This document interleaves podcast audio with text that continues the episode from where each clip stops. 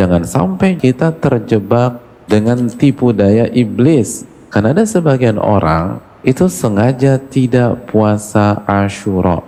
Kita tidak bicara dosa, karena ini jelas puasa sunnah. Tapi orang ini nggak puasa tanggal 10 Al-Muharram. Dan ketika ditanya, Mas kenapa Anda nggak puasa di tanggal 10 Al-Muharram? Tenang aja, kemarin aku udah ngaji bahwa puasa ini menghapuskan dosa satu tahun ini.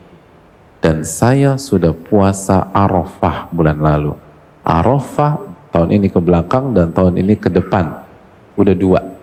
Buat apa saya puasa Ashura? Kan udah Arafah. Bahkan kelebihan satu tahun lagi nih.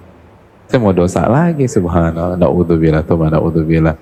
Puasa Arafah kan menggugurkan setahun ke belakang dan setahun ke depan. Sedangkan Ashura tahun ke belakang aja. Berarti udah dong, clear dong. Buat apa lagi kita puasa Ashura? Benar juga ya Pak Ustadz ya. Ini adalah permainan dari syaitan agar kita tidak semangat beribadah. Tidak ada yang tahu kalau kita puasa Arafah, puasa kita diterima sama Allah Subhanahu wa taala. Itu kan pahala kalau diterima. Kalau enggak gimana? Kalau enggak ini kesempatan kita untuk menggugurkan dosa-dosa kita kembali. Dan yang kedua, kalau diterima, emangnya sempurna?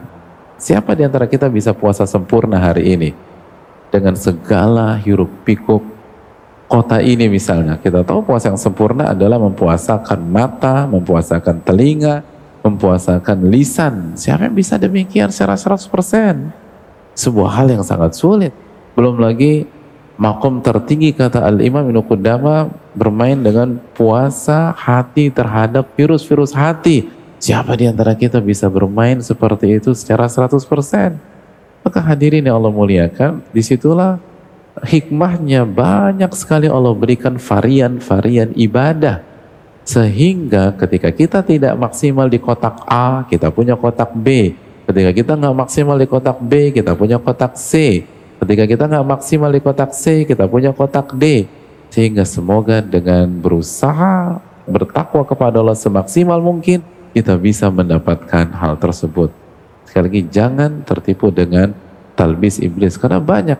Bahkan Al-Imam Ibnu Jauzi membawakan bahwa ada orang ketika tahu bahwa keutamaan puasa Ashura menghapuskan dosa selama satu tahun, Akhirnya pada tanggal 10 Al-Muharram kata Ibnu Jauzi orang ini berpuasa tapi begitu ada zuhur dia berbuka dengan sengaja.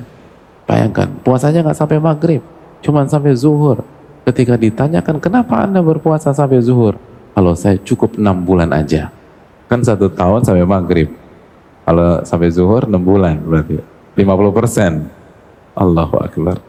Jadi kejadian ini diriwayatkan para ulama, diriwayatkan oleh Imam Ibnu Jauzi.